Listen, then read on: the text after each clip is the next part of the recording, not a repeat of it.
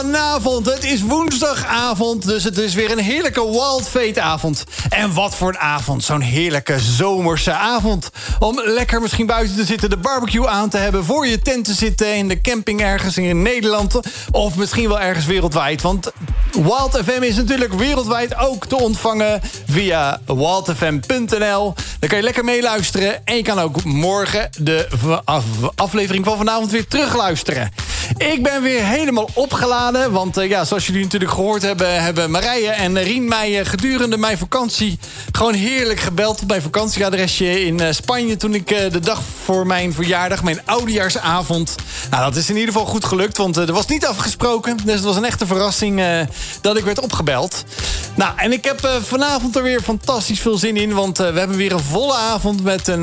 ja, natuurlijk weer een, een tijdmachine-itempje. We hebben natuurlijk een bijbelsweetje wat Rien weer eh, voor elkaar heeft gekregen deze avond. En we hebben natuurlijk de allerbeste gospel die je kan horen... hier bij Wild FM in de Randstad op Wild Fate. Dat kan niet anders dat we vanavond weer lekkere nieuwe gospel hebben opgezocht voor je. En dat heb ik zeker voor je gedaan. Want ja, zo'n vakantie geeft ook vaak lekker ruimte om de Spotify-lijsten en de internet weer eens even een beetje af te struinen. Uh, al die browsers weer eens door te gaan om te kijken naar de lekkerste gospel. Die heb ik weer gevonden voor jullie vanavond. Dus die ga je hier weer horen vanavond. Ik ben Joost Bastiaans, want uh, ja, mijn co-host en mijn mede-collega... presentatrice Marije van den Berg is er vanavond niet. Maar gelukkig heb ik hier nog wel een fantastische andere dame hier in de studio vanavond kunnen vinden... die vanavond hier in midden in vakantietijd hier vanavond een verhaal wil gaan vertellen... over ja, haar bijzondere passie. Zij, heeft, een, zij is moeder van drie kinderen die morgen, of eigenlijk allemaal al volwassen zijn. En ja, haar ouders zijn op een bijzondere datum getrouwd, namelijk 14 juli. Dat is mijn, verjaar, dat is mijn verjaardag. En dit jaar waren haar ouders notabene 60 jaar getrouwd.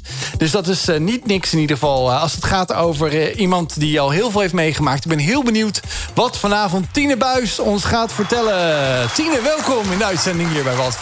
Dankjewel.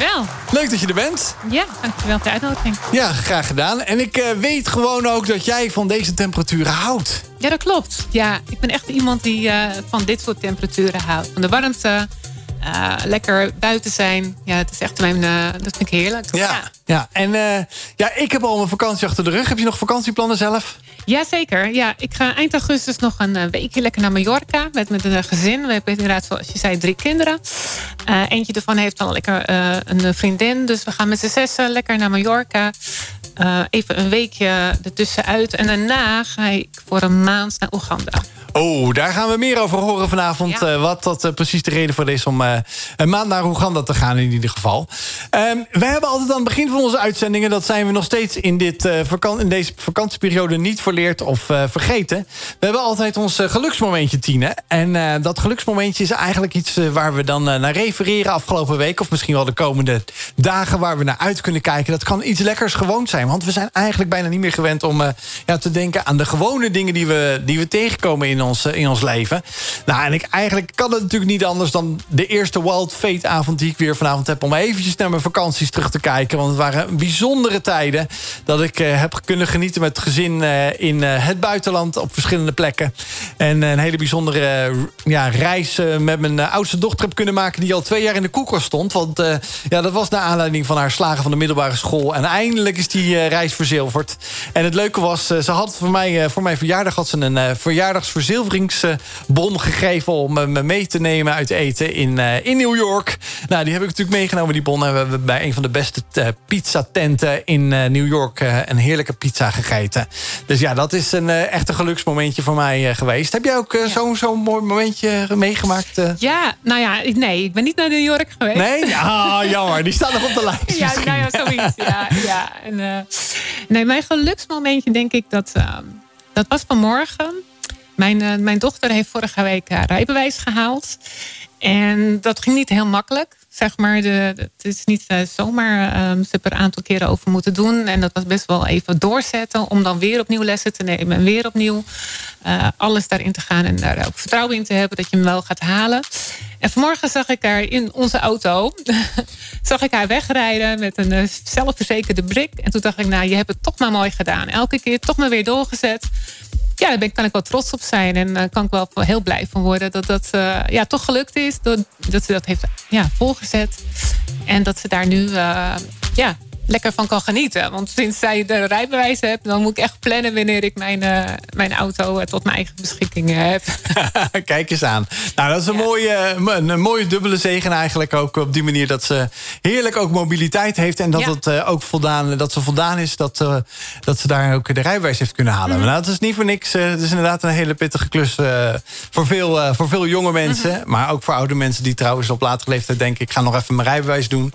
Maar heel mooi gefeliciteerd. Ja. Nogmaals ja, uh, voor dit mooie moment. Wij gaan uh, even heerlijk luisteren naar Race Up van Lazarus. En we gaan zo heerlijk in gesprek met elkaar over ja, een bijzonder thema... wat, wat brandt op het, op het hart van Tine. En dat is eigenlijk wees een held en red een kind. Ja, we zijn terug bij Walt Fate hier op Walt FM. Dus dat houdt in dat we weer heerlijk in gesprek vanavond gaan op de woensdagavond... met uh, weer een, fantastische studiogast die we altijd weer weten te vinden. Vanavond is dat uh, Tine Buis. En uh, ja, Tine, ik zei al eventjes in de, in de vooraankondiging... je had een bijzonder mooie... Je hebt mooie herinneringen gekweekt met je, met je ouders... toen ze 60 jaar getrouwd waren. Hè? Je hebt iets heel bijzonders gedaan, ja. vertelde je me net tijdens de muziek. Ja, ja we zijn uit Vrijthof geweest naar André Rieu. Ja? Ja, en dat was iets voor hun... Uh, ze zijn een aantal jaren uh, geleden geweest en ze zijn al aardig op leeftijd. Dus ze hadden nooit meer gedacht dat ze dat zouden meemaken. En uh, nou, toen hebben we bedacht, als er dan twee mensen met jullie meegaan... die jullie van het hotel en naar, naar het Vrijthof mee, ja, meenemen... Um, dan zijn eigenlijk alle zorgen weggehaald en dan kan het wel. Dus ja, zo gezegd, zo gedaan. Dus we hebben ze daar naartoe gebracht samen met mijn zus in het hotel. Uh, van het hotel naar het Vrijthof. Nou ja, s'avonds laat weer terug. Ja, het was een dag met een gouden randje. Ja. ja. Zegt dat ook iets over jouw karakter, Tine? Over dat je graag uh, voor mensen zorgt? Of ja, de dingen de, voor de mensen uit de handen wil nemen? Ja, denk het wel. Ja, dat is echt wel uh, iets wat, uh, ja, waar ik echt uh, heel erg war, warm voor loop. Zeg maar. Ik ben heel gelukkig gemaakt ook om voor anderen wat te doen. Zeker als voor iemand anders iets onmogelijk lijkt. Dan denk ik, ja nee, we gaan gewoon kijken wat wel mogelijk is. Ja. En dan kijken of daar iets, iets in kan betekenen. Is dat ja. altijd al zo geweest vanaf jongs af aan?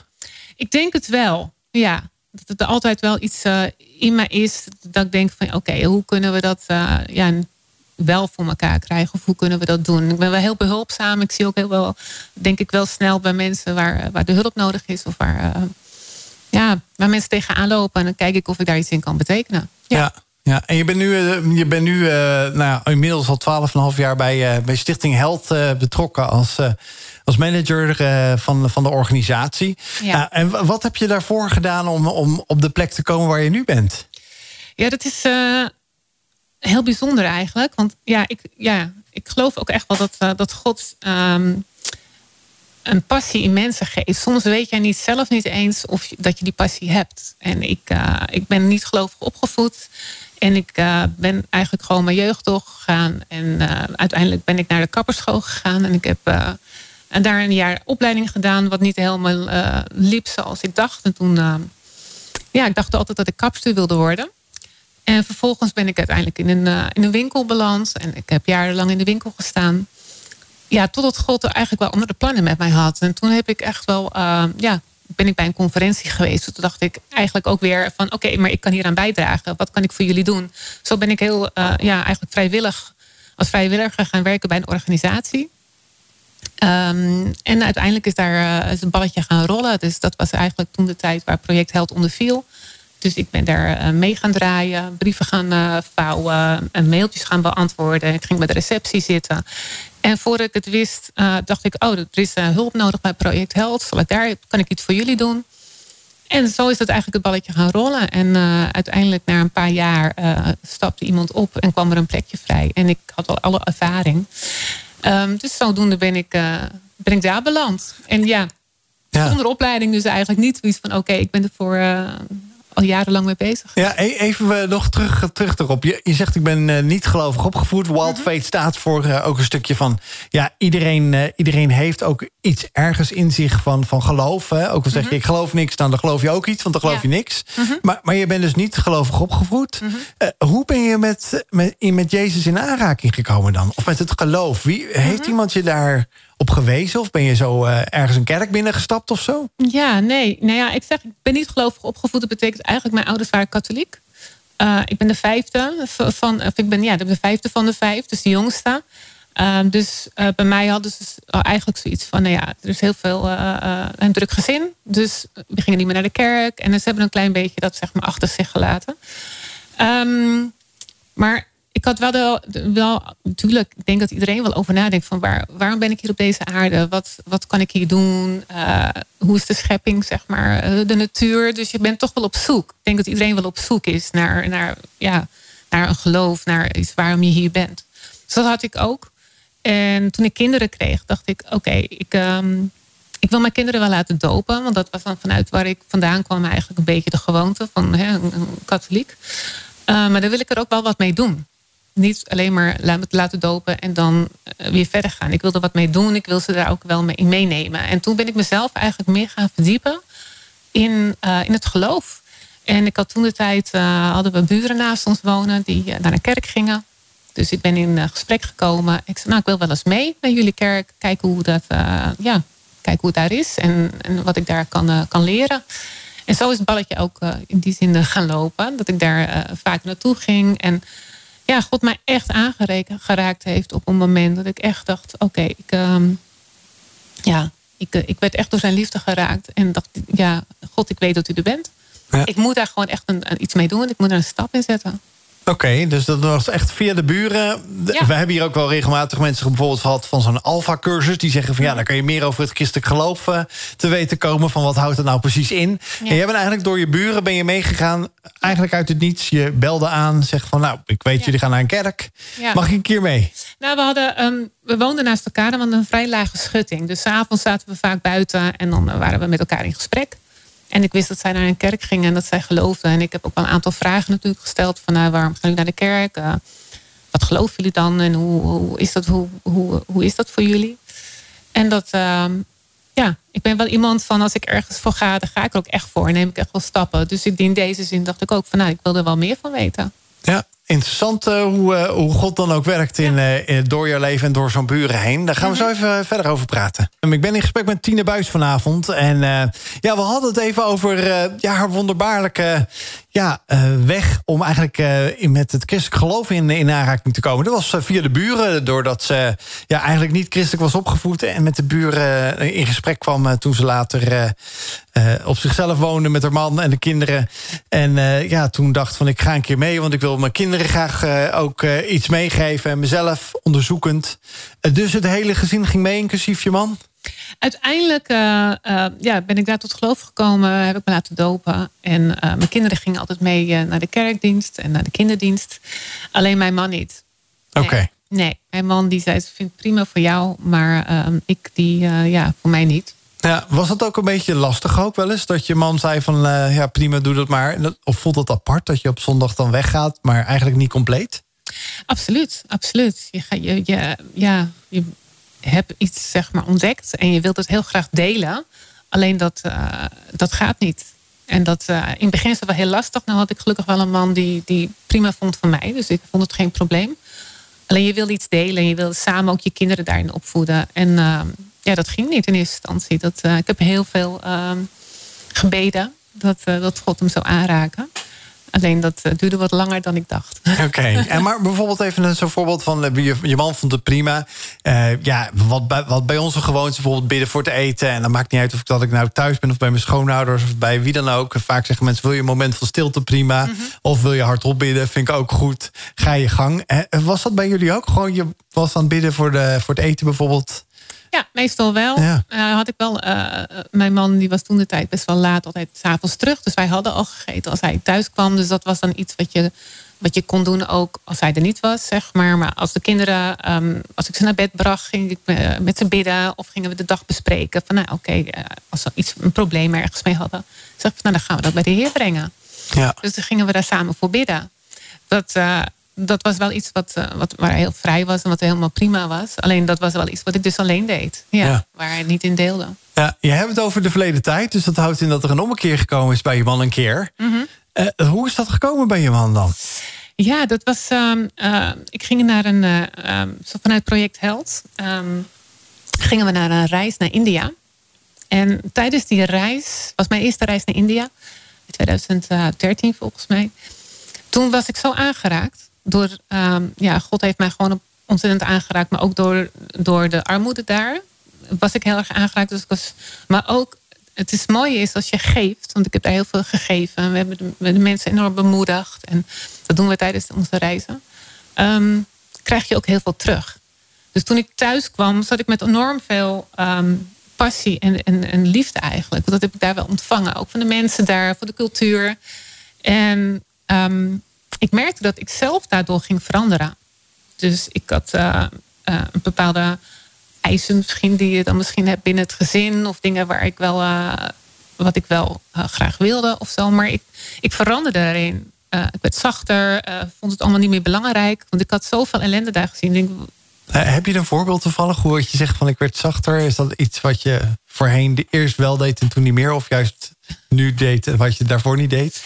Nou, misschien had ik um, uh, bepaalde um, verwachtingen voor mezelf. Dat ik bijvoorbeeld binnen mijn huis bepaalde dingen klaar wilde hebben voor een bepaalde tijd. Nou, oké, we willen nog een aanbouw, we willen dat nog en dat nog. En um, misschien was ik daar ook wel ongeduldig in. En toen ik terugkwam van de reis, denk ik, dat heeft helemaal geen het is helemaal niet belangrijk. Als ik zie wat zij daar hebben en wat wij hier hebben, dan is dat.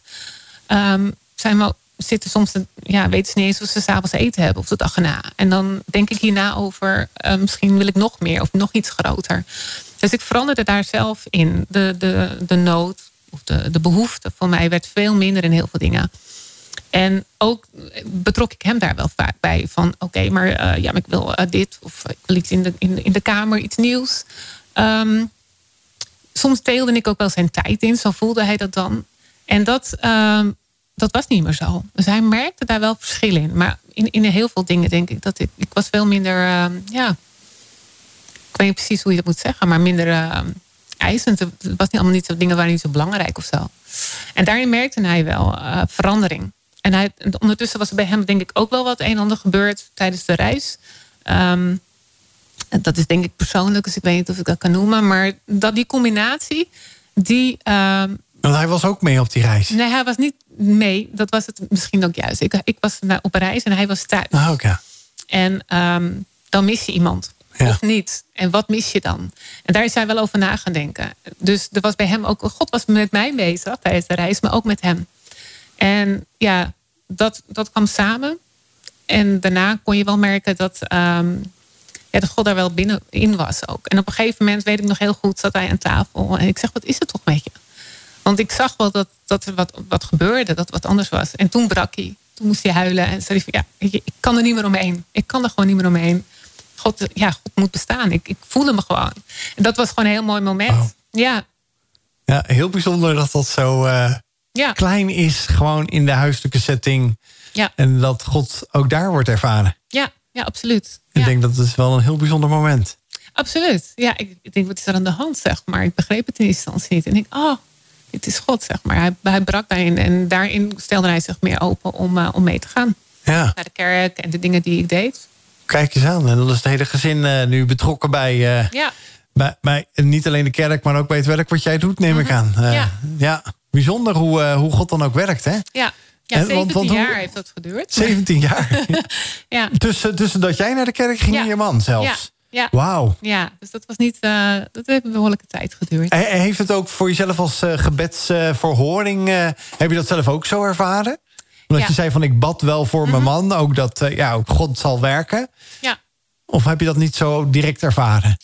Jawel, want ik, ik weet gewoon dat ik zelf ook die weg nodig had. Ik was zelf ook anders. ehm, heb heel veel dingen moeten zelf moeten ontdekken en ondernemen. Waardoor ik zelf ook daar groei in kreeg. En ik denk dat dat God echt wel de juiste timing kiest. Van oké, maar nu is het de goede tij- timing, zeg maar, om, om daar samen in verder te gaan. Ja. Nou, ik vind het bijzonder eh, hoe, hoe dat eh, gegaan is als, eh, als gezin. Ja, En, en wat vonden je kinderen? Wat, wat hebben je, hoe hebben je kinderen dat ervaren? De kinderen waren toen ik op dat moment wel wat, wat ouder. Ja, Maar die vonden het ook geweldig. En die zagen me ook heel erg veranderen. En dat vond ik ook wel heel mooi. wauw. Ja, dat zij ook die ervaring hadden van hoe hij voorheen was en hoe hij daarna was, zeg maar. Dus de metamorfose van eh, voordat iemand Jezus kende en daarna. ja, precies. Ja. Ja, en heb je dat soort dingen, zie je dat ook in het buitenland in het werk wat je doet? hoe, hoe, hoe God mensen verandert? Of hoe mensen God nog niet kennen en daarna wel God te leren kennen? Ja, zeker. Ja, ik heb, we hebben uh, alleen al, uh, we, komen op onze projecten en heb je natuurlijk ook projectleiders. En daarin merk je ook um, hoe, hoe, die veranderen in, uh, in geloof. En hoe mensen die samen met hun werken daar in eerste instantie misschien naar komen en, en God niet zo goed kennen. En eigenlijk meer een, een baan zoeken of, of meewerken. En um, ja, dan zie je ze wel veranderen. Als ze zien wat God doet en hoe liefdevol hij is en dat hij erg echt voor de wezen en de weduwe zorgt, um, zie je hun ook veranderen en hun passie ook daarvoor. Ja. Je haalt uh, mooi eventjes een uh, dingetje aan over de weduwe en de wezen. want dat ligt ook echt op je hart. Ja, je kan iets natuurlijk niet faken zoals Tine eigenlijk uh, voor, deze, voor dit nummer zei uh, van hoe haar man eigenlijk echt gewoon op Gods tijd ja, tot geloof kwam. En dat is eigenlijk misschien ook wel dat je denkt van ja, ik, ik geloof het allemaal niet en ik begrijp het allemaal niet. Maar ook Tine zei tijdens de muziek, zei ze eigenlijk van ja, God is eigenlijk ehm, ja, altijd aanwezig. En het is maar één gebed ver, toch? Denk ik, uh, Tina, als mensen denken van... ik ken God helemaal niet. Uh, dat eigenlijk iedereen, waar je nu ook zit... altijd kan bidden van... nou, God, als u bestaat, laat maar zien dat u er bent. Uh, en dat dat misschien ook wel moeten volhouden natuurlijk. Niet moeten denken dat ze vanavond een boterbriefje krijgen, zou ik maar zeggen. Maar dat God wel ook hun zal antwoorden. Ja, absoluut. Wat, wat ik wel geleerd heb daaruit is dat... Um, wij hebben er een soort beeld bij. Dat je denkt, oh je heer, ik bid voor iets. En nou ja, als het morgen niet gebeurd is, dan, um, nou ja, dan heeft het waarschijnlijk niet geholpen. Nou, bid ik nog een keer ervoor. En dan, nou, weet ik niet of, of, of ik er wel geloof dat het gaat gebeuren. Maar wat ik net zei, uh, het heeft in die tussentijd 17 jaar geduurd totdat ik tot geloof kwam en dat mijn man tot geloof kwam. En ik heb ook echt wel momenten gehad, ik dacht van nou, ik geloof bijna niet meer in dat het nog gaat gebeuren. Omdat het duurt zo lang. En in mijn ogen was het makkelijker als, het, als hij samen met mij tot geloof kwam. En we samen die weg konden gaan doen. Maar ja, God heeft soms andere plannen. En ja, daar wil ik ook echt iedereen mee bemoedigen. Dat blijft volharden in gebed. Maar luister ook naar God. Want misschien jouw plan of waar jij wil voor bidden, uh, is niet zijn plan. Dus ja, misschien wil God daar wel iets mee zeggen. Van oké, okay, ik heb betere plannen of ik heb iets beters of iets groters voor je. En je wil misschien een nieuwe baan of iets anders. Maar God heeft misschien andere plannen voor jou. Dus probeer daar ook in te luisteren naar God. Van misschien is dit ook niet wat u voor mij heeft. Wat heeft u dan wel voor mij? Ja, mooi uh, dat je zo dit aanvult, uh, Tine. Dat is echt uh, mooi dat je dat, dat zegt. Ik denk dat het heel belangrijk is dat als je misschien inderdaad ook zegt... van ik sta op een kruispunt of ik weet niet waar ik heen moet... wat ik moet doen, je kunt God erin vragen.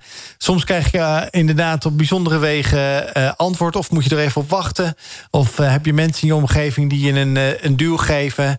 of juist dat tegen je zeggen. En dat is absoluut God die door dat soort mensen en dat soort wegen kan, uh, kan bewegen ook. Hè? Dat is het mooie hoe God uh, werkt. Ja, en je had het uh, voor, voor de muziek er nog eventjes over. Van, ja, je had die, jij ging die reis maken, die allereerste reis. gezin blijft thuis. De, dus er, zouden geheid de nodige tranen zijn gerold op het vliegveld. voordat je tot, tot gauw weer hebt gezegd. hoe, hoe is dat ja, zo gekomen? Ik zeggen dat je uh, ja, je kreeg die functie bij Project Health. Uh, we duiken er zo meteen eventjes iets dieper op in. Maar ik wilde even van je weten... Van, dan, dan ga je zo'n reis, wordt er gezegd... ja, Tine, uh, jij mag naar, naar, naar dat project toe... om dat te gaan kijken. Pak je koffers maar en ga maar. Of hoe, hoe werkt dat dan? Nou, de eerste reis die ik maakte was inderdaad naar India. En dat was eigenlijk uh, wij reizen met mensen die uh, zich kunnen opgeven om met een reis mee te gaan. Of je sponsorkind bijvoorbeeld te ontmoeten. Of ik zeg ik wil naar een land. Ik wil mensen bemoedigen. Ik wil mensen bezoeken. Kijken hoe, hoe, de mensen leven daar. En ik ben, heb mij toen ook opgegeven om met die reis mee te gaan. Dus we gingen met, ik geloof uit mijn hoofd, vijf mensen. Uh, een reis naar India. En was voor mij een van de eerste reizen dat ik überhaupt buiten, buiten Europa kwam. Dus het had een behoorlijke impact. En, um, en daarnaast zie je ook nog hoe de mensen leven daar. En dat heeft ook een hele grote impact op, op mij gehad. Hoe, hoe het verschil, zeg maar, hoe wij leven en hoe, hoe zij leven. Um, Dus daar ben ik, uh, de twee weken zijn we toen uh, door India gaan reizen om de mensen te bezoeken. Ja, ja en had het nog een beetje discussie thuis van, ja, mama gaat nou even twee weken ertussen uit. Maar de, je zei net ook al eerder in de uitzending heb je gezegd van ik hou ervan om dingen goed te regelen, dat het allemaal in orde is, dat ik ja gewoon de dingen, het hoeft niet allemaal perfectisch, perfectionistisch, want dat zeg je net ook van dat deze reis, die eerste reis heeft mijn leven ook daadwerkelijk op zijn kop gezet. Ja. Maar toch zeg je wel van, nou ja, ik wil dat goed achterlaten. En dan uh, zegt een van de kinderen, mam, ik heb dat je gaat. Mhm. Maar toch, je had het op je hart gekregen dan om mee te gaan. Ja, absoluut. Ja, de kinderen uh, heb ik natuurlijk wel uh, inderdaad uh, de nodige zorg voor, voor achtergelaten. Van wie, waar ze naartoe konden als ze uit school kwamen. En de, de zorg voor thuis en voor s avonds. Maar dat kwam dan wel op mijn man terecht. Dus dat is wel inderdaad in overleg gegaan. En uh, hij wilde me niet weerhouden. Maar of hij er echt voor juichte, dat weet ik nou ook weer niet. ja. Maar hij, hij, hij, gunde het me. Dus in die zin uh, ja, zei hij van... oké, is prima voor jou. Ga lekker naar, naar India toe. En uh, wij reilen en zeilen hier de rest. En dat was ook je eerste reis dat je als begeleider meeging namens Project Health? Of was dat eigenlijk meer omdat jullie ook daaraan aan deelnamen aan, aan Project Health als, als ondersteuner? Nee, dat was meer een, een, keuze. Zeg maar. Net als wat ik zei, je kan je opgeven voor zo'n reis. En ik, uh, het was een, voor Project Held een pioniersreis om een aantal projecten te bezoeken. En omdat ik nou betrokken was, zei ik, ik wil wel mee. En dat kon dan op dat moment. Dus dan uh, ga je vanuit eigen kosten en eigen uh, achterban... ga je, daar, uh, ga je met zo'n reis mee om daar die landen te bezoeken. En dat was voor mij achteraf gezien wel heel, heel bijzonder. Omdat ik toen nog niet wist dat ik uiteindelijk bij Project Health zou gaan werken. En, en dat doe wat ik nu doe. Ja, en uh, dan, dan bereid je zo'n reis voor. Je, zegt, uh, je zei net al van de, voor de allereerste keer dat ik buiten Europa zelfs ging. Nou ken ik een beetje het, het, het Azië van, van deze wereld. Ja. dan, dan, ga je, dan, dan stap je zo hier Schiphol, stap je het vliegtuig in. En nou, dan, dan maak je die reis van 10, 12 uur. En dan stap je die slurf uit uh, in, uh, in New Delhi of welke, waar je dan ook heen vloog. En dan krijg je een klap. Alleen al van de warmte. Mm -hmm. Nou ben je zei gelukkig al, daar hou, ik, daar hou ik wel van. Maar dan de volgende ochtend word je misschien wakker. Kijk je door dat hotelraam naar beneden. En dat je denkt, oh jee, waar ben ik beland? Of niet? Ja. Of hoe is dat, wat was jouw eerste indruk toen jij, ja, zou ik zeggen, in India aankwam? Ja, India is sowieso een van de landen waar de mensen in erbarmelijke omstandigheden leven dat is echt, als je een keer in India geweest bent, of Azië, er zijn meer landen die dat hebben, dan, uh, dan zie je pas echt de armoede. En uh, het moeilijkste vond ik ook wel dat wij zaten wel in hotels.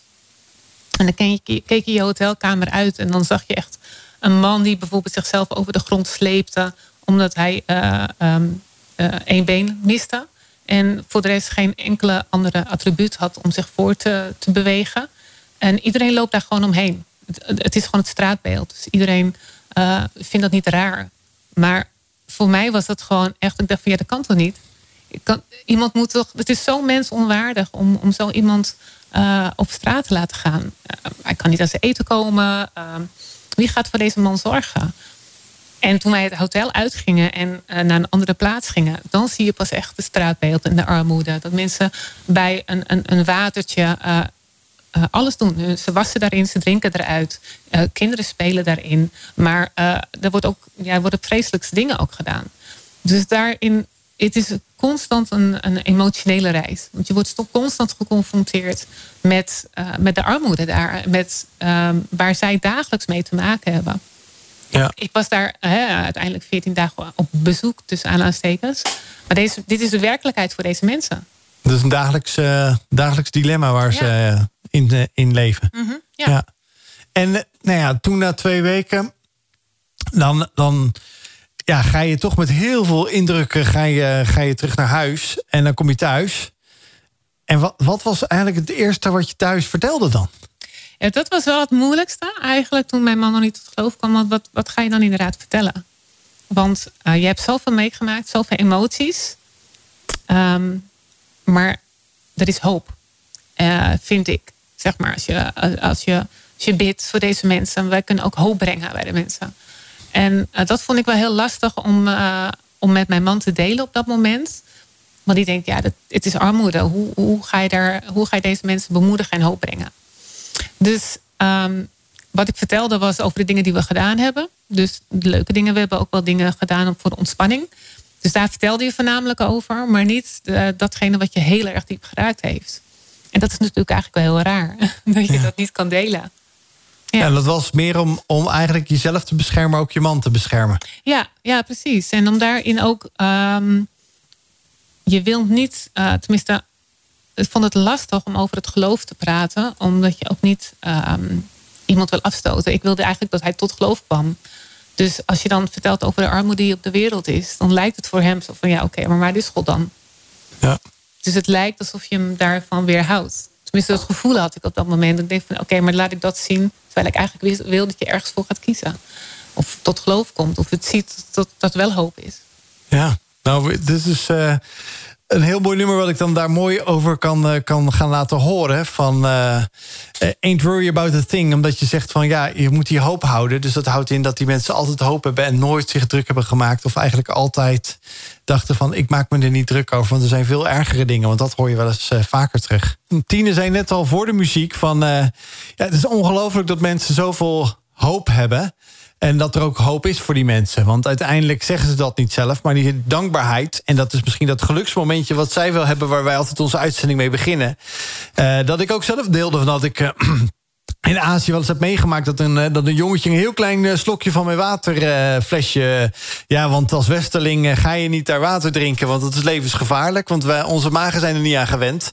En dat zo'n jongetje echt dat opdronk, het laatste slokje, de laatste twee slokjes, alsof die ja, echt aan de allerduurste whisky, zou maar zeggen, zat zat te nippen. Omdat hij was zo gelukkig, want de smaak alleen al daarvan is heel bijzonder voor dat soort mensen. Als ze het niet gewend zijn. Dus dat, ja, een ongelooflijk geluksmoment had dat jongetje.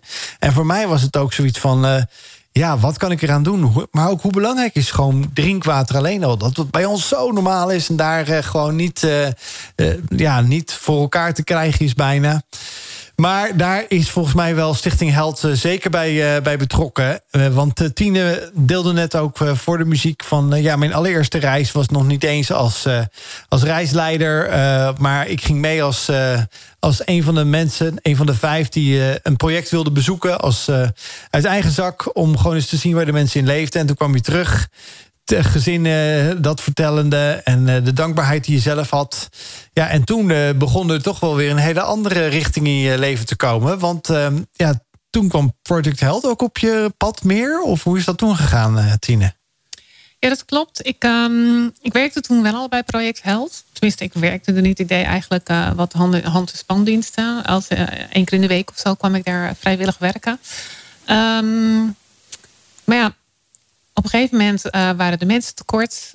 dus ik heb daar nog een extra dag in gestopt. En ja, er zijn wat mensen weggegaan. En er kwam er uiteindelijk een plekje vrij...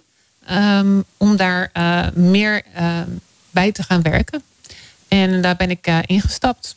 En ja, ik wist al het een en ander, omdat ik al een aantal daar, ja, een jaar of zo al meedraaide met, met de dingen die daar nodig voor waren. Um, dus het was eigenlijk wel een vrij logische stap dat ik daar meer in mee ging draaien. Op dat moment, het werk wat ik op dat moment deed, die, die zaak ging failliet. Dus eigenlijk was dat een vrij logische stap om meer bij Project Held te gaan meedraaien. Het was een beetje Gods timing dus. Juist. Ja, ja en uh, toen, toen kwam je bij, eh, bij Project Health. Uh, ben je toen echt in dienst gekomen? Begrijp ik dat dan ook goed? Of ben je daarvan op de, op de bedoellijst gekomen? Ja, uiteindelijk wel. Ik heb de eerste paar maanden heb ik daar vrijwillig gewerkt. En ik, wat ik zei, ik, ik, kwam uit een bedrijf wat failliet ging. Dus daaruit krijg je nog een stukje mee. Um, maar op een gegeven moment zeg ik, ja, dan wil ik hier ook wel helemaal in meedraaien. dan ben ik voor een aantal uren um, ja, als, als, als medewerker zeg maar, mee gaan draaien. En dat werd het uiteindelijk heel meer omdat een van de collega's die op dat moment uh, de hoofd van de afdeling was, uh, een andere baan had gevonden. Dus toen kwam er eigenlijk een plekje voor mij vrij. Ja, nou, ik zeg altijd eventjes uh, bijna van een elevator pitch, uh, zou ik zeggen. Maar, want kun je even kort, voordat we er zo eventjes uitgaan... voor de officiële plichtplegingen...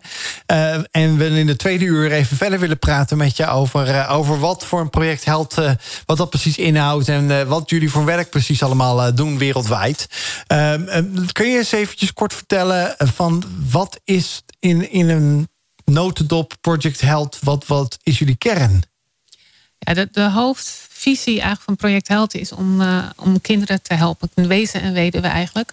Voornamelijk op dit moment nog uh, kinderen. Kinderen die in um, erbarmelijke omstandigheden leven. Waar de ouders of ouder, uh, of soms zijn ze, dus hebben ze geen ouders meer, niet voor de kinderen kunnen zorgen. En deze kinderen worden voornamelijk bij tehuizen opgevangen. En wij zijn eigenlijk een, een tussenproject tussen een sponsor voor een kind en voor het kind. Dus je kunt bij ons aanmelden om een kindje te gaan sponsoren. En daardoor help je een kind uh, op dat moment... zodat ze naar school kunnen gaan, onderwijs krijgen. Hetzelfde. Onderdak hebben, eten krijgen. Medicatie indien nodig. Dus er wordt echt voor de kinderen gezorgd. Ze zitten binnen een centrum. Ze hebben echt een thuis. Want dat, dat hebben ze lang niet gehad. En aan de andere kant kun je contact houden met je kind door middel van brieven. Of elk jaar krijg je een nieuwe foto zodat je ja, een kind, ja, een kind redt een kind. Dat is het eigenlijk. kind echt redt vanuit de armoede. Want dat is wat je doet. Op het moment dat de kind naar school gaat, heeft het veel meer kans om later een baan te vinden. Of om, om voor zichzelf te kunnen zorgen. Anders blijft die armoedecirkel draaien. Ja.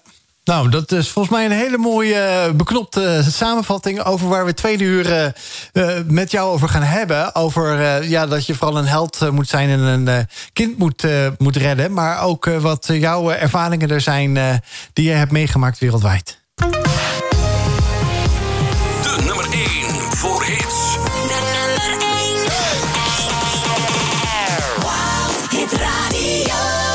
It is not by the alarm to wake up life, only by the love of God. Even when you're surrounded by great men, life is by the love of God. Science can tamper to copy the life and the works of the Lord. But creation is the masterpiece of God, and life is by the grace of God. Neboba nembwa ezikuma. Ne bw'oba n'emmundu ez'amaanyi ne bw'oba n'ekkufulu ez'ebbeeyi ne bw'oba n'agasajja ga kanyama ne bw'ofuba ogule ku sseŋŋenge ne bw'oba n'ekkufulu ez'ebbeeyi ne bw'ofuba okugenda weegange ne bw'oba n'emmotoka eya tinti ne bw'oba ne kamera eziketta zijjukira luli bwe twalumbwa ekirwadde kya covid kyajja wano. Ensi yonna ne tuba ku bunkenke. Nalaba bannaffe bwe batondoka miranga n'ebiwoobe n'ebitujjula abagagga b'essente ne batwalibwa life is not by the riches we have it is not by the greatness we hold. It's only by the grace of the lord yeah. Papa tell them hey it is not by experience to breathe. Come on. Neither by the medicine to live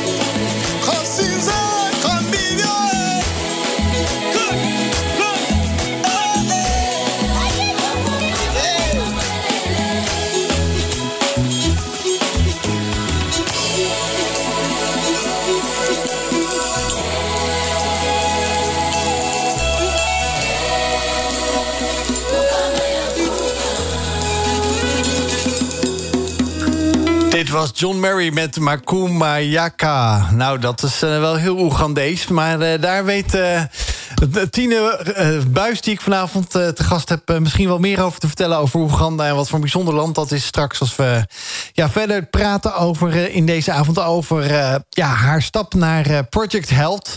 die, die graag ja, vooral kinderen helpt... en ook zich wil ja, richten zelfs op de weduwe in de toekomst.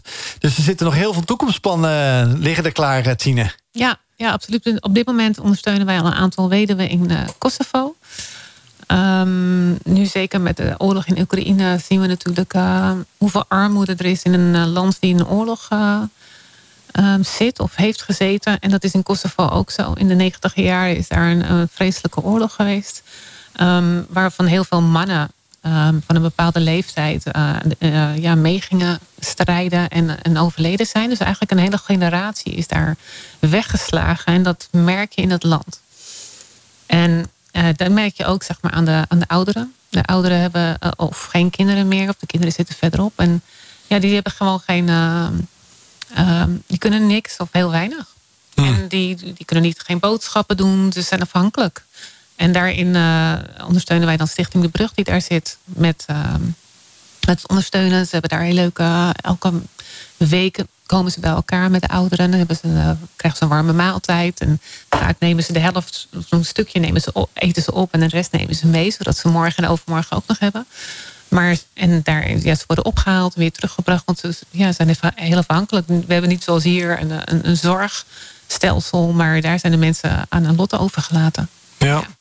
Nou, dat is al uh, eigenlijk best wel dichtbij wat jullie uh, aan hulp verlenen in, in Kosovo. Dat is Europa. Uh -huh. Doen jullie nog dichterbij in Nederland ook dingen? Of hebben jullie dingen gedaan? Ja, we hebben toen... Um, in Nederland heb je natuurlijk ook gezinnen of, of mensen die, die in armoede leven. Maar we hebben ook... Um, toen corona kwam in Nederland... konden we niet meer reizen naar onze projecten. Wat we eigenlijk wel uh, regelmatig doen. Om daar de mensen te bemoedigen, te helpen. Of daar kijken waar nood is, zodat we ze kunnen helpen. Maar er waren natuurlijk ook in Nederland was best wel veel. Uh, uh, ja, op, van op een op andere dag was daar best wel een, een, nood. En dat noem ik eigenlijk bijvoorbeeld de ouderen. De ouderen moesten in het, in het huis blijven, mochten niet meer buiten de deur komen, mochten geen bezoek meer ontvangen. Heel veel mensen werden eenzaam. En daarin hebben we zeg maar Health at Home opgericht. En dat is eigenlijk hebben we een bejaardenhuis uh, bezocht. En kijken waar we hun konden helpen. Dus we hebben daar um, oliebollen rondgebracht rond, uh, rond uh, nieuwjaar. We hebben daar de kerstbomen opgetuigd. we hebben met uh, Koninginnedag hebben ze allemaal een tompoes gebracht. Um, tulpen hebben ze gebracht in het voorjaar om ze ja, te bemoedigen en even een hart onder de riem te steken. Van ja, er komt wel weer een einde hier aan deze tijd. Maar voor nu uh, willen we ook wel laten zien dat jullie gezien zijn. Dat we jullie niet vergeten zijn. En um, we hebben met Project Held, of tenminste met Held at Home, hebben we ook een, een, school ondersteund. Dat is een school waar kinderen komen die, die in Nederland komen, de vluchteling zijn. Maar omdat er heel veel leerkrachten uh, wegvielen eigenlijk, omdat ze corona hadden of om heel lang ziek waren, was er gewoon een enorm tekort. Dus uh, daar hebben we ingesprongen en zijn we daar een ochtend of een hele dag gaan helpen. Om de kinderen daarin te helpen. Dus als de leerkracht een, een, groepje had om les te geven. En dan deden wij, hebben wij eh, een, een groepje kinderen geholpen met, met ja, taal, rekenen, daar waarin, waar geholpen kon worden. Om ook die te laten zien dat de school wel door kon gaan. Want kinderen kregen thuis onderwijs. Maar voor deze kinderen was dat niet mogelijk. Omdat ze geen eens een computer hebben, de taal niet beheersen. Dus ze kunnen ook niet online les krijgen. Dus ze moesten wel naar school, alleen er waren geen leerkrachten. En op die manier hebben we wel proberen ook in Nederland uh, te helpen, daar waar nood is. Ja, het is bijzonder dat je ook gezinnen al gelijk of uh, individuen ook uh, ja, ondersteunt. Mm -hmm. in Nederland, Kosovo, Europa. we hebben het over een wereldwijde organisatie in het eerste uur hebben we gezegd. Waar zitten jullie nog meer in wat voor landen waar jullie actief zijn? Wij zijn actief in voornamelijk Afrika en Azië. En in Azië hebben we het over Thailand, Myanmar, India, in Afrika, Kenia, Mozambique, um, Oeganda. Um, kijk, ben ik er even vergeten.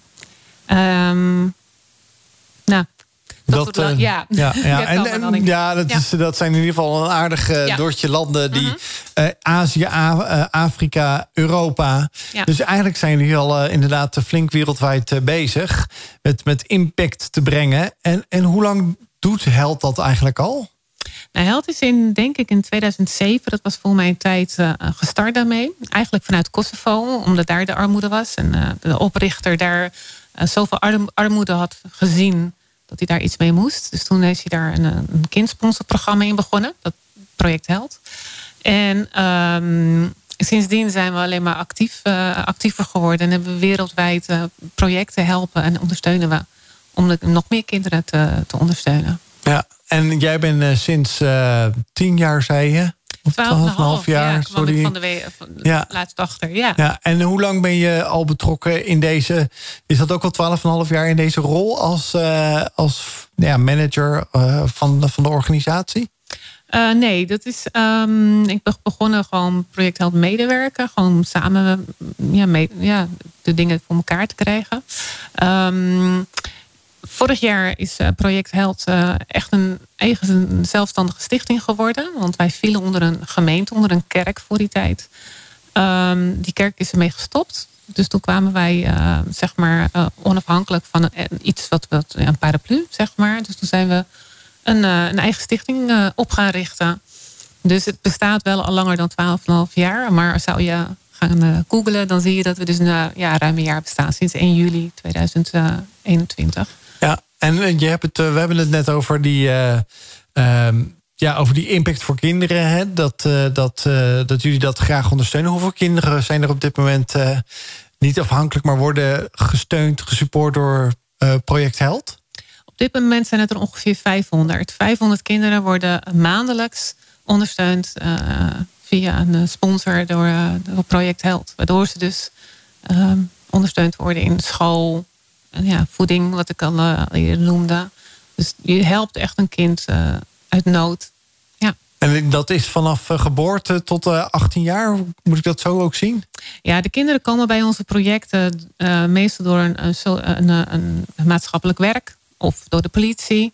Ehm, de projecten zijn bekend, zeg maar, in de omgeving waar ze zitten. En de, de kinderen zijn niet meer in staat, kan, kunnen niet meer thuis wonen of zijn op straat gevonden.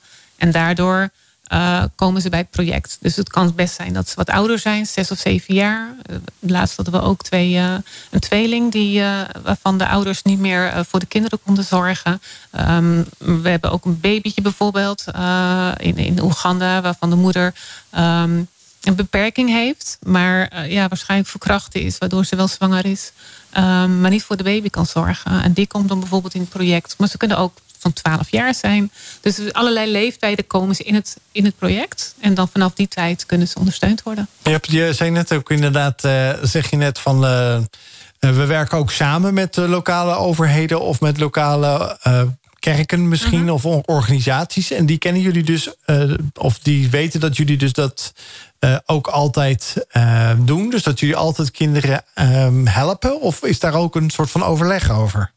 Nou ja, wij, vanuit Project Held ondersteunen wij dus de lokale projecten. Dus die projecten, en eh, elk project heeft een andere naam. Dit is een project of een, of een tehuis eigenlijk in dat land. En die is bekend bij, eh, bij de overheid, bij de maatschappelijk werk of bij, bij de vierde politie. Dus als er kinderen komen, dan eh, worden zij zeg maar, opgeroepen. Van we hebben weer een kindje voor jullie. Of we hebben in deze situatie. Wat kunnen jullie voor haar of hem betekenen? Ja, nou, het is in ieder geval heel bijzonder hoe, eh, hoe jullie ook zo juist ook met die lokale om eh, met die lokale overheden samenwerken. Want ik denk dat dat heel belangrijk is, eh, ook in geloofwaardigheid en in jullie eigen organisatie om dat te doen. Ik heb zometeen een beetje een gewetensvraag voor je die ik even na de muziek ga stellen. Nou, ik zei al net even voor de muziek. Ik, ga, ik wil aan, aan Tina eigenlijk een gewetensvraag stellen. En toen zegt ze: Oh jee, dat moet ik. ik ben benieuwd wat je gaat vragen.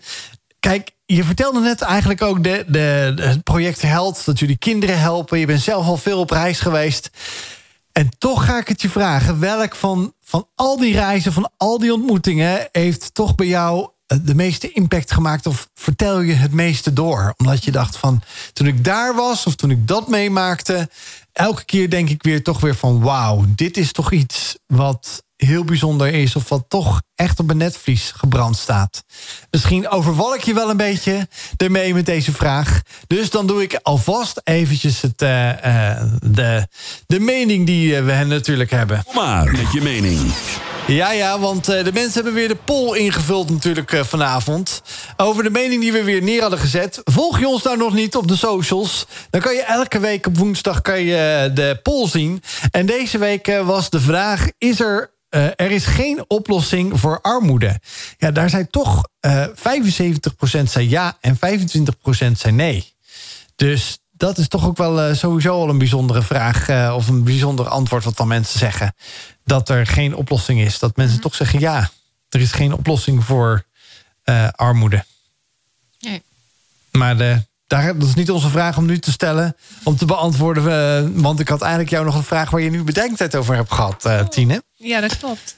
Ja, weet je, als je zoveel reist, dan heeft elke reis heeft een, ehm, ehm, een bepaalde eh, herinnering. En dat ehm, is om te zeggen of welke reis de meeste indruk heb gemaakt, dat weet ik niet. Als je over een bepaalde eh, impact hebt, ehm, dan denk ik toch de reis naar India. Omdat het voor mij op dat moment in ieder geval eh, eh, ja, echt wel een, een, ommekeer in mijn leven gebracht heeft. Ehm, maar elke reis, dat horen wij ook vaak van de mensen die met ons meegaan op reizen. Je denkt dat je meegaat om, om te geven. En dat doe je ook. Je kan enorm veel geven. En je ziet hoeveel, eh, met een klein beetje, hoeveel mensen je blij kan maken, hoop kan geven. Ehm, door alleen al op daar te zijn en daar eh, dus de moeite genomen hebben om daar naartoe te gaan. Dat is voor hun al, een- zo veel van betekenis. Maar je krijgt er ook zo ontzettend veel van terug. En dat is juist, dat horen we altijd tijdens de reizen ook van de mensen die zeggen van ja, ik ging er naartoe om te geven, maar ik heb zoveel ontvangen. En dat is eigenlijk het, het, het mooiste wat ik ook wel altijd de reizen zie. En elke keer als er een groep meegaat, dan heb ik echt het gevoel dat, dat God die mensen bij elkaar gebracht heeft omdat ze elkaar aanvullen of dezelfde situaties meegemaakt hebben, of misschien in dezelfde situatie inzitten, waardoor ze ook met elkaar daarin eh, ja, kunnen helpen. En ehm, daarin zie je gewoon, eh, als je geeft, ontvang je ook ontzettend veel. En dat vind ik gewoon het hele mooie aan het hele concept. Als je geeft, eh, dan, dan ga je ook heel veel ontvangen. En dan is misschien het ontvangen als je, als je geeft, dat je van oké, ik geef 100 euro, ik, ik verwacht het terug.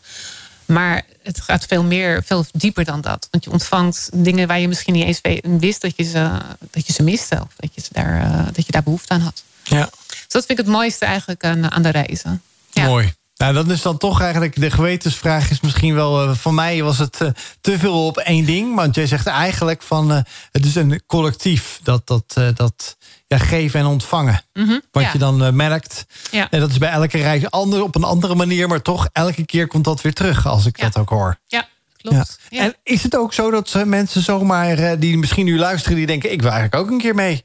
Kan, kan dat zomaar? Ja, mensen kunnen zich opgeven via onze eh, website uh, www.projectheld.nl. Daar hebben we een item reizen. Op dit moment zijn wij bezig voor de volgende eh, periode om te kijken naar welke landen wij kunnen eh, reizen. Meestal zijn het sponsors die meegaan omdat ze hun sponsorkind willen ontmoeten. Of willen kijken waar, in wat voor, hè, waar ze wonen en, waar ze leven. Maar iedereen is welkom. Dus je kunt eh, sowieso met de reis eh, mee. Je kunt je opgeven. Wel van tevoren even een kleine checklist. Om te kijken of je... eh, het is best wel... in- eh, het geeft wel impact zo'n reis. Dus als je net eh, misschien of lichamelijk of om andere reden denkt van... oké, misschien is het niet verstandig om nu met zo'n reis mee te gaan. Dus we, we hebben altijd wel even een gesprekje met iedereen. Maar ehm, ja, het is voor iedereen die, ja, die terugkomt... horen we altijd, het is zo levensveranderd voor mij geweest. Dus dat is echt, als je ooit nog denkt van... oké, ik wil iets een keer iets heel anders doen... en ik wil even een hele omzwaai maken en kijken... ehm, als ik buiten mijn comfortzone ga, want dat ga je eigenlijk... wil ik eh, kijken wat, wat ik dan kan en wat ik dan eh, ontvang... en ja, welke kant het op gaat... dan zou ik het echt aanraden om een keer met een reis mee te gaan. Het is een goede alternatieve reis, als ik het even zo mag zeggen. Reisbestemming. Ja, ja absoluut. Ja. Ja. Ja, een bestemming met, tweede, met, een dubbele, met een dubbele bodem eigenlijk. Want de bestemming is ook dat je zelf kan ontdekken... Ja, Ja. wat voor een eh, bestemming je misschien zelf wel hebt in het leven. Ja, ja, dat is ook zo. Als je op vakantie gaat of als je in Nederland bent. En ehm, dan geef je soms niet altijd de ruimte of tijd aan, eh, aan wat wil ik nou eigenlijk? Welke kant wil ik op? Soms is het goed om even stil te staan. En te kijken wat je, eh, wat je eigenlijk verder met je leven wil. Of waar je heel goed in bent. Wat je niet, niet, ja, eigenlijk geen ruimte voor gaf. Of een andere bestemming. Sommige mensen gaan na zo'n reis. gaan ze nog eens terug naar zo'n land. Of naar een project. En gaan ze daar iets organiseren. Of gaan ze helemaal de zending in. Of heel iets anders. Ja, het is ook een zelfontdekking een beetje eigenlijk. Ja, bijzonder eh, hoe eh, deze reizen tot eh, impact leiden voor iedereen. Ja, inclusief jezelf. Want als je zegt, ik heb al zoveel gereisd... maar toch elke keer krijg ik dat, krijg ik dat mee terug. En, jullie werken altijd met de lokale overheden samen? Dus met een lokale projectleider die daar dan ook zit? Of is dat iemand uit Nederland? Nee, onze, project, onze projecten die werken dus samen inderdaad met de, met de overheid daar. En die, die hebben daar contact mee. En die zijn er helemaal bekend. Hun, hun, hun stichting is op hun ehm, organisatie is ook eh, bekend daar. Dus dat is allemaal zeg maar eh, ingedekt. Wij zelf hoeven niet naar, eh, naar de lokale overheden toe. Dat is allemaal via de projecten, zeg maar. Zodat wij de projecten kunnen ondersteunen vanuit Nederland. En hoe kopen jullie hier aan de, aan de sponsors dan... die die kinderen willen ondersteunen? Nou, we hebben voornamelijk dat uit eh, bijvoorbeeld grote conferenties. Als mensen bij elkaar komen, dan doen we een oproep. Eh, laten we ook zien wat voor impact het heeft voor een kind om, om een kind te sponsoren. Want ja, ik, ik kan een voorbeeld noemen. We hebben bijvoorbeeld in Thailand hebben we, eh, hebben een project die ehm, kinderen opgevangen heeft uit, uit de gevangenis. Zodra de moeder in de gevangenis komt, gaan de kinderen mee. Ehm, dat is, nou ja, de moeder wordt, moet pakjes vervoeren om geld te verdienen. En als ze opgepakt wordt, zit ze daar zo'n 20 jaar in de gevangenis. Eh, als de kinderen erbij zijn, gaan die gewoon mee de gevangenis. Er is er helemaal niks voor de kinderen. Dus we hebben daar een project die kinderen opvangt. En uit de gevangenis in overeenstemming met de moeder. Ze gaan af en toe nog eens bij de moeder langs. Zodat de kinderen daar eh, eh, ja, zichzelf kunnen verder kunnen ontwikkelen. En naar school kunnen. Anders hebben daar is helemaal niks. En een van de eerste meiden die daar opgevangen werd, die is nu zelf eh, leidt ze het project, zeg maar. Dus die is door het hele eh, traject gegaan, is naar school gegaan, heeft universiteit gedaan en heeft er toch voor gekozen: ik ga voor kinderen kiezen, ik ga voor kinderen zorgen of voor mensen zorgen die, eh, die hetzelfde meegemaakt hebben als ik. Daar waar ik vandaan kom of daar waar ik geen kans had, wil ik hun ook een kans bieden. En dat is gewoon het mooie, ja, het mooie wat, je, wat je ziet, terugziet eigenlijk, nu je wat langer bestaat.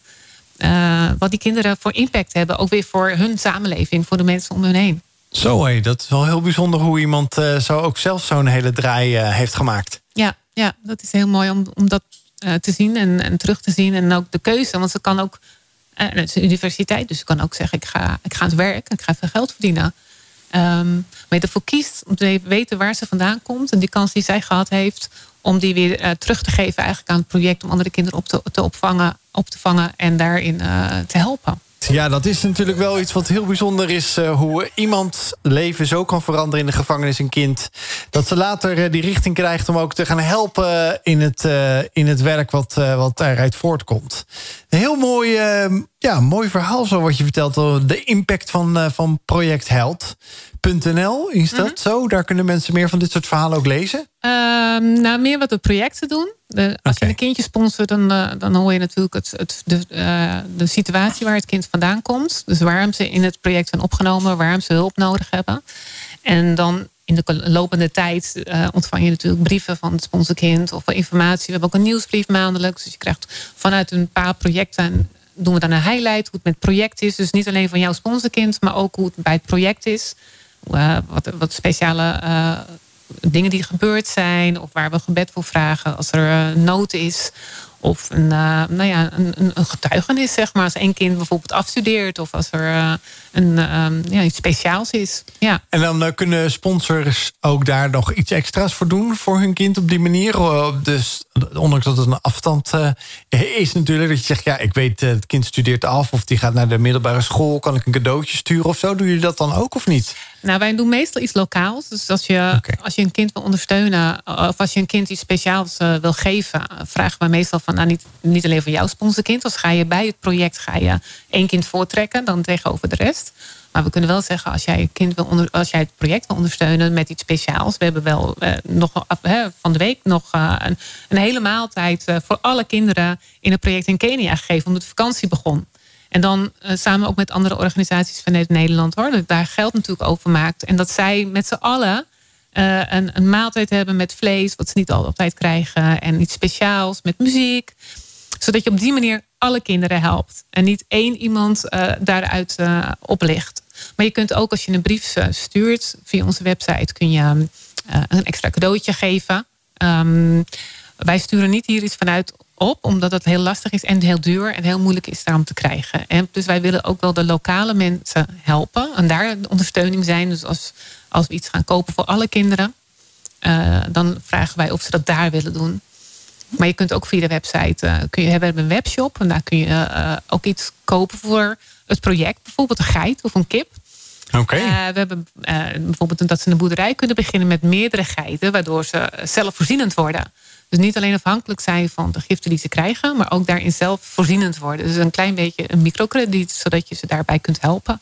En er zijn verschillende. We hebben ook wel, je kan voor een hele village in India kun je een waterpomp geven. Dat kun je vanuit je kerk doen, of misschien vanuit je organisatie.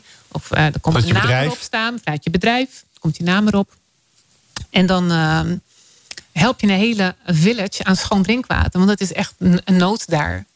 Dus op vele, verschillende manieren kun je, daar, eh, kun je het verschil maken. Dat is het eigenlijk. Ik hoor wel dat er echt wel veel eh, nadenkwerk gedaan is ook door, door Project Held. De organisatie die echt wel staat als een solide organisatie. Die ook juist door dit soort eh, eh, ja, projecten, maar ook voor soort mogelijkheden hier vanuit Nederland. eh, dus ook die impact weet te maken daar lokaal. Dus, dus niet te zeggen alles vliegen we hier vandaan, daar gaan de pakketjes heen. Of wat dan ook. Nee, die lokale economie is belangrijk voor ja, het, totaal, het totale welzijn van de hele nou ja, van de hele village of van een hele omgeving, denk ik, van waar die kinderen en ook die weduwe in, in opgroeien of in leven. Ja, je moet ook niet vergeten als, als je een project hebt in een bepaald land. en het project zou alleen maar vanuit het buitenland heel veel krijgen. eh, dat er ook een jaloezie kan ontstaan vanuit de omgeving. En als je dat zo samenwerkt. dus ook daar met lokale mensen samenwerkt. ehm, help je dus niet alleen het project en de kinderen die daar leven. maar ook de, de mensen daaromheen. Die, die ook eh, daaraan bijdragen eigenlijk door eh, als er verkoop is van bepaalde spullen of als er iets anders georganiseerd moet worden, dat je ze erbij betrekt. Ja. Zodat er ook een samenwerking is en niet een, eh, een jaloezie of een afkeer, maar meer een van oh wauw, fijn dat dit in onze omgeving zit. Ja. Nou, heel mooi, eh, Tine. Ik, eh, ik ben eigenlijk ook wel een beetje benieuwd. eh, ja, we hebben natuurlijk onze itempje, de, de tijdmachine. Ja, jij durft niet op die knop te drukken, dus dan doe ik het gewoon eventjes. Ja, want,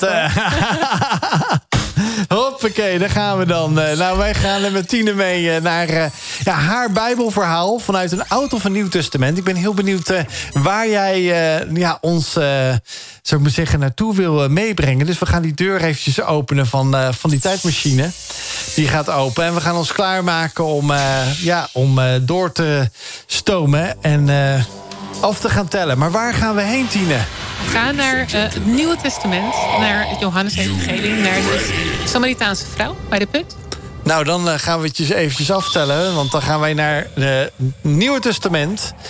Naar Johannes Evangelie. Naar eh, de Samaritaanse vrouw. Ik ben heel benieuwd hoe jij dit gaat delen met onze luisteraars van Wild Fate.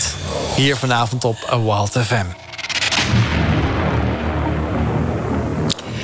Ehm, nou, mijn, mijn passie is eigenlijk ehm, om te zorgen voor de mensen om ons heen. En het maakt niet uit wat voor achtergrond eh, ze komen of waar ze leven. En wat, ik, wat mijn voorbeeld daarin is, is Jezus. En toen Jezus eh, op de wereld was en ehm, moest ik denken aan, de- aan eh, het verhaal van de Samaritaanse vrouw. De, hij, eh, hè, Jezus was, eh, eh, liep rond en hij was moe en hij ging naar een markt. En hij zei tegen zijn discipelen van... Oh, gaan jullie maar even eh, eh, wat boodschappen doen? Gaan jullie maar naar de markt? Ik ben moe en hij had dorst. Dus hij ging naar de, de put en hij ging eh, water drinken. En eh, het was middel de dag, dus eigenlijk het, warmste van de dag. En dat was al, al, al vreemd, want er kwam een vrouw aan, een Samaritaanse vrouw. En ja, als je, eh, ze was alleen ook. En hij vroeg aan haar: mag ik wat water van jou? En het was helemaal niet gebruikelijk in die tijd om als, als, als, als een Jood of als een rabbi om tegen een Samaritaanse vrouw te praten. Of om, om, om gezien te worden met haar. En het, het verhaal inspireerde mij gewoon omdat hij, Jezus maakt geen verschil. En dat vond ik wel heel mooi. Jezus zei, die kende haar, die, die, die wist ook haar verleden. En heel veel mensen maakten haar. Um, tenminste, hè, dat, dat, dat kan ik me zo voorstellen. Als jij anders bent dan anderen of dingen gedaan hebt. Uh, die niet door de beugel kunnen of die niet helemaal uh, zijn zoals we het verwachten, dan hebben we daar soms een oordeel over. En dan willen we soms ook niet eens met iemand te maken hebben om, uh, om daar niet mee gezien te worden bijna, of om niet daarmee geconfronteerd te worden. Maar Jezus die zocht haar op en die, die praatte met haar. En het maakte hem niet uit wat anderen daarvan dachten. En op dat moment kon hij haar heel veel vertellen. En uiteindelijk dacht ze van ja, maar dit is de Messias. En hij wist ook dingen van haar die niemand anders wist. En daarin is dat mijn voorbeeld. Wel dat ik wil ook niet onderscheid maken tussen uh, ja, mensen hier of, of mensen daar in de, in de projecten waar we zitten, hebben wij ook. Die mensen hebben allemaal met culturen te maken en allemaal met gewoontes. En daardoor worden bijvoorbeeld kinderen uh, um, ja, krijgen de vreselijkste uh, ja, dingen te, zien en te horen. En ook de mensen daar, die, die hebben best wel heel zwaar leven. En ik, ja, daarin wil ik ook niet oordelen. Want ik, omdat ik hier dan in Nederland geworden geboren ben en hun daar, vind ik dat ook wel. Um, ja, wil ik ze alleen maar helpen met dat wat, we, wat we kunnen. En ja, probeer ik zoveel mogelijk, we zijn allemaal lerenden, om niet te heel veel uh, oordeel te hebben over iemand anders, maar meer te kijken van wat zou Jezus doen. Dit was Retain met Broken Vessels. Nou, dat uh, is wel een hele mooie uh, samenvatting van uh, ja, hoe gebroken je ook bent en wie je ook bent. God maakt, bij God maakt het geen verschil. Dat vertelde Tina ook net voor deze, dit muziek in het vorige blokje. Denk je nou, ik heb het net gemist dat, wat ze zei. Geen probleem, morgen komt er een, een podcast weer. Want ik ben weer terug van vakantie. Want de andere collega's die moesten de nodige technische dingen doen... die niet in hun macht lag. Dus ik ga het weer oppakken. Dus morgen kun je weer een podcast luisteren van, uh, van deze aflevering van vanavond. En uh, ja, het, het is ook alweer bijna richting het einde van ons programma, Tine. Dus dan hebben we het ook altijd eventjes over van... Uh, ja, we hadden het begin van dit tweede uur openden we... met een bekende van ons, beide. John Murray, die is een bekende artiest in, in Oeganda. En jij vertelde mij ook van... ja, je vertelde het hier ook, dat je naar Oeganda gaat. Ja. Is dat ook voor Project Health? Ja, het is eigenlijk ontstaan. Ik ben uh, in uh, februari of maart ben ik naar Oeganda geweest om um, een nieuw project te bezoeken. Als wij een, uh, een, nieuw project aannemen, dan gaan wij altijd even langs om, om ja, de mensen te leren kennen, een relatie op te bouwen. kijken hoe het er allemaal eruit ziet. Of, hè, we kijken de boeken in. En daar ben ik in contact genomen, gekomen met Footstep. Dat is een, pro een project in, in Oeganda, in Entebbe. En um, ja, dat heeft mij echt wel heel erg. Ik was samen met mijn man. En uh, dat is ook het leuke. En natuurlijk, nou, toen ik tot geloof gekomen is dat we dingen samen kunnen doen. Dus we waren ook samen daar. En we kregen alle twee eigenlijk het gevoel toen we daar waren: van hier gaan we terugkomen. En nou kom ik natuurlijk vaker in Oeganda of in een ander land. Dus, maar het was anders. En um, wij kiezen, ja, wij gaan vanuit onszelf. Dus uh, een maand uh, zetten wij hier alles stil thuis. En gaan wij naar Oeganda afreizen om daar het project te helpen. Um, zij hebben daar een, een, stuk land. Althans, de, de projectleiders. En uh, mijn man is nogal handig met zijn handen. En we gaan ze helpen om daar uh, huisjes op te bouwen. Die daar uh, voor corona, zeg maar, wel al opgezet waren. Maar door corona alles stil is gelegd. Om daar aan mee te bouwen. En dat is eigenlijk ook omdat ik daar best wel... Um, een gevoel voor hebt dat je daar ook zelfvoorzienend in kan zijn. Dus als je daar een, een huisje hebt, en dit is, hun zit het op een plek wat een hele mooie uh, plek is, dat is Victoria Meer, om daar ook in uh, mensen uh, te kunnen ontvangen. Maar ook voor een retreat bijvoorbeeld. Als je zegt wat ik het net over had, van ik wil even helemaal weg hier en ik wil daar naartoe, kun je zo'n huisje daar huren aan, aan een prachtige omgeving.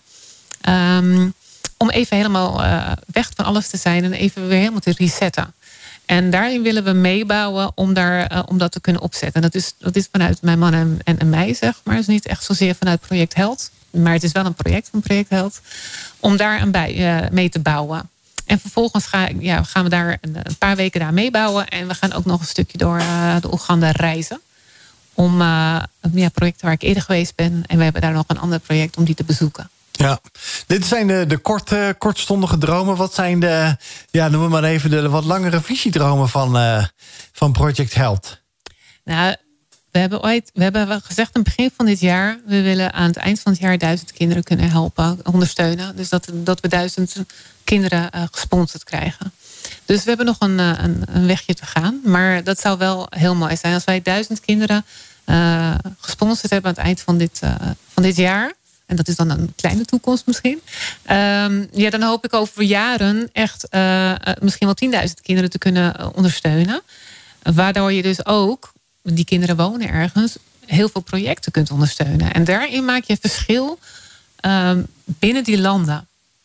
En dat is wel echt iets wat, wat heel belangrijk is. En wat ook wel heel mooi is om te zien. Want wat ik net zei, de projecten hebben binnen de landen waar ze zitten ook ehm, impact. Niet, niet zozeer, maar ze werken samen. Dus als je dat een aantal projecten binnen een land hebt, ehm, ja, gaat eigenlijk die olievlek eh, uit, eh, ja, uitweiden. Dat is wel iets eh, ja, waar we in de toekomst wel eh, meer in willen, verder willen zien. Ja, nou, dat, is, dat is in ieder geval mooi dat je ook echt eh, die droom hebt om duizend kinderen te gaan helpen. En we hebben net gehoord wat voor impact dat eh, kan hebben. Ook hoe kinderen weer terug zelfs komen. Sommige kinderen in een project om te, te helpen. Die hebben, die hebben scholing gekregen. Die hebben een toekomst gekregen. eh, door de, de impact die jullie eh, in die levens hebben kunnen maken. Eh, projecthealth.nl, dat is de basiswebsite eh, waar mensen informatie kunnen vinden. Waar ze eventueel met zo'n reis eh, zelfs mee kunnen gaan. Zo'n impactreis. eh, ook al hebben ze nog geen kind of ondersteunen ze jullie nog niet, zouden ze zelfs een alternatieve reis kunnen maken door mee te gaan om te kijken van eh, is dit iets voor mij om misschien zo'n project te ondersteunen? Kunnen mensen zich op andere manieren nog op een nieuwsbrief of op jullie socials abonneren? Ja, ja, je kan sowieso ons natuurlijk volgen via onze Facebookpagina en Instagram, Project Held. Je kan via de website kun je je aanmelden voor een nieuwsbrief, zodat je, je ja, maandelijks krijg je wat informatie over Project Held. Je kunt ons mailen. Ehm, op de website kun je ook eh, Red een Kind, dat eh, kun je een, een kind dus eh, sponsoren. Je kunt daar ook de verhalen van de kinderen zien of lezen. En je kan de kinderen zien, er zijn foto's. Je kunt de projecten zien op, die wij ondersteunen. Misschien heb je ook een een bepaalde voorkeur voor een land waar je een keer eerder geweest bent. Of, of waar je. We hebben een tijdje geleden zei iemand van ja, ik wil heel graag een kindje uit Zuid-Afrika ondersteunen. Dat hebben we overigens ook. Volgens mij hebben we dat het niet Nee, genoemd. die hebben we niet genoemd. Nee.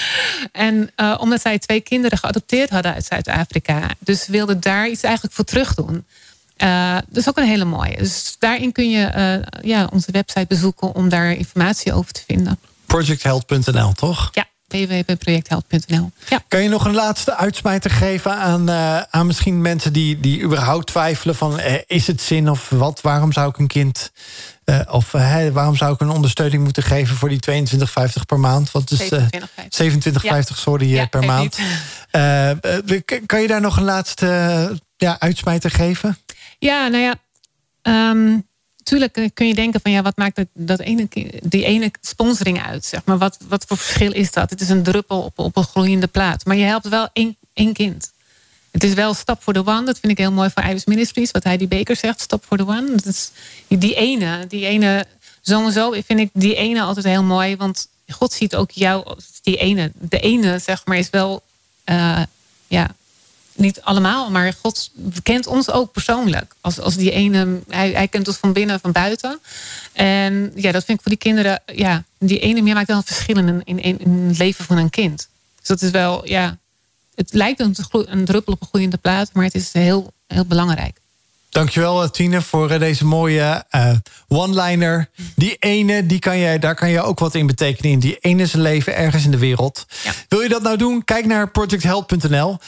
Tine, bedankt voor je komst. Leuk dat je er was. Dankjewel. En ik wens je een hele goede voorbereidingstijd voor de komende nieuwe maand. Waar je in een maand ja, weer je hart ook op kan halen. En hopelijk ook ja, mooie dingen mag beleven daar.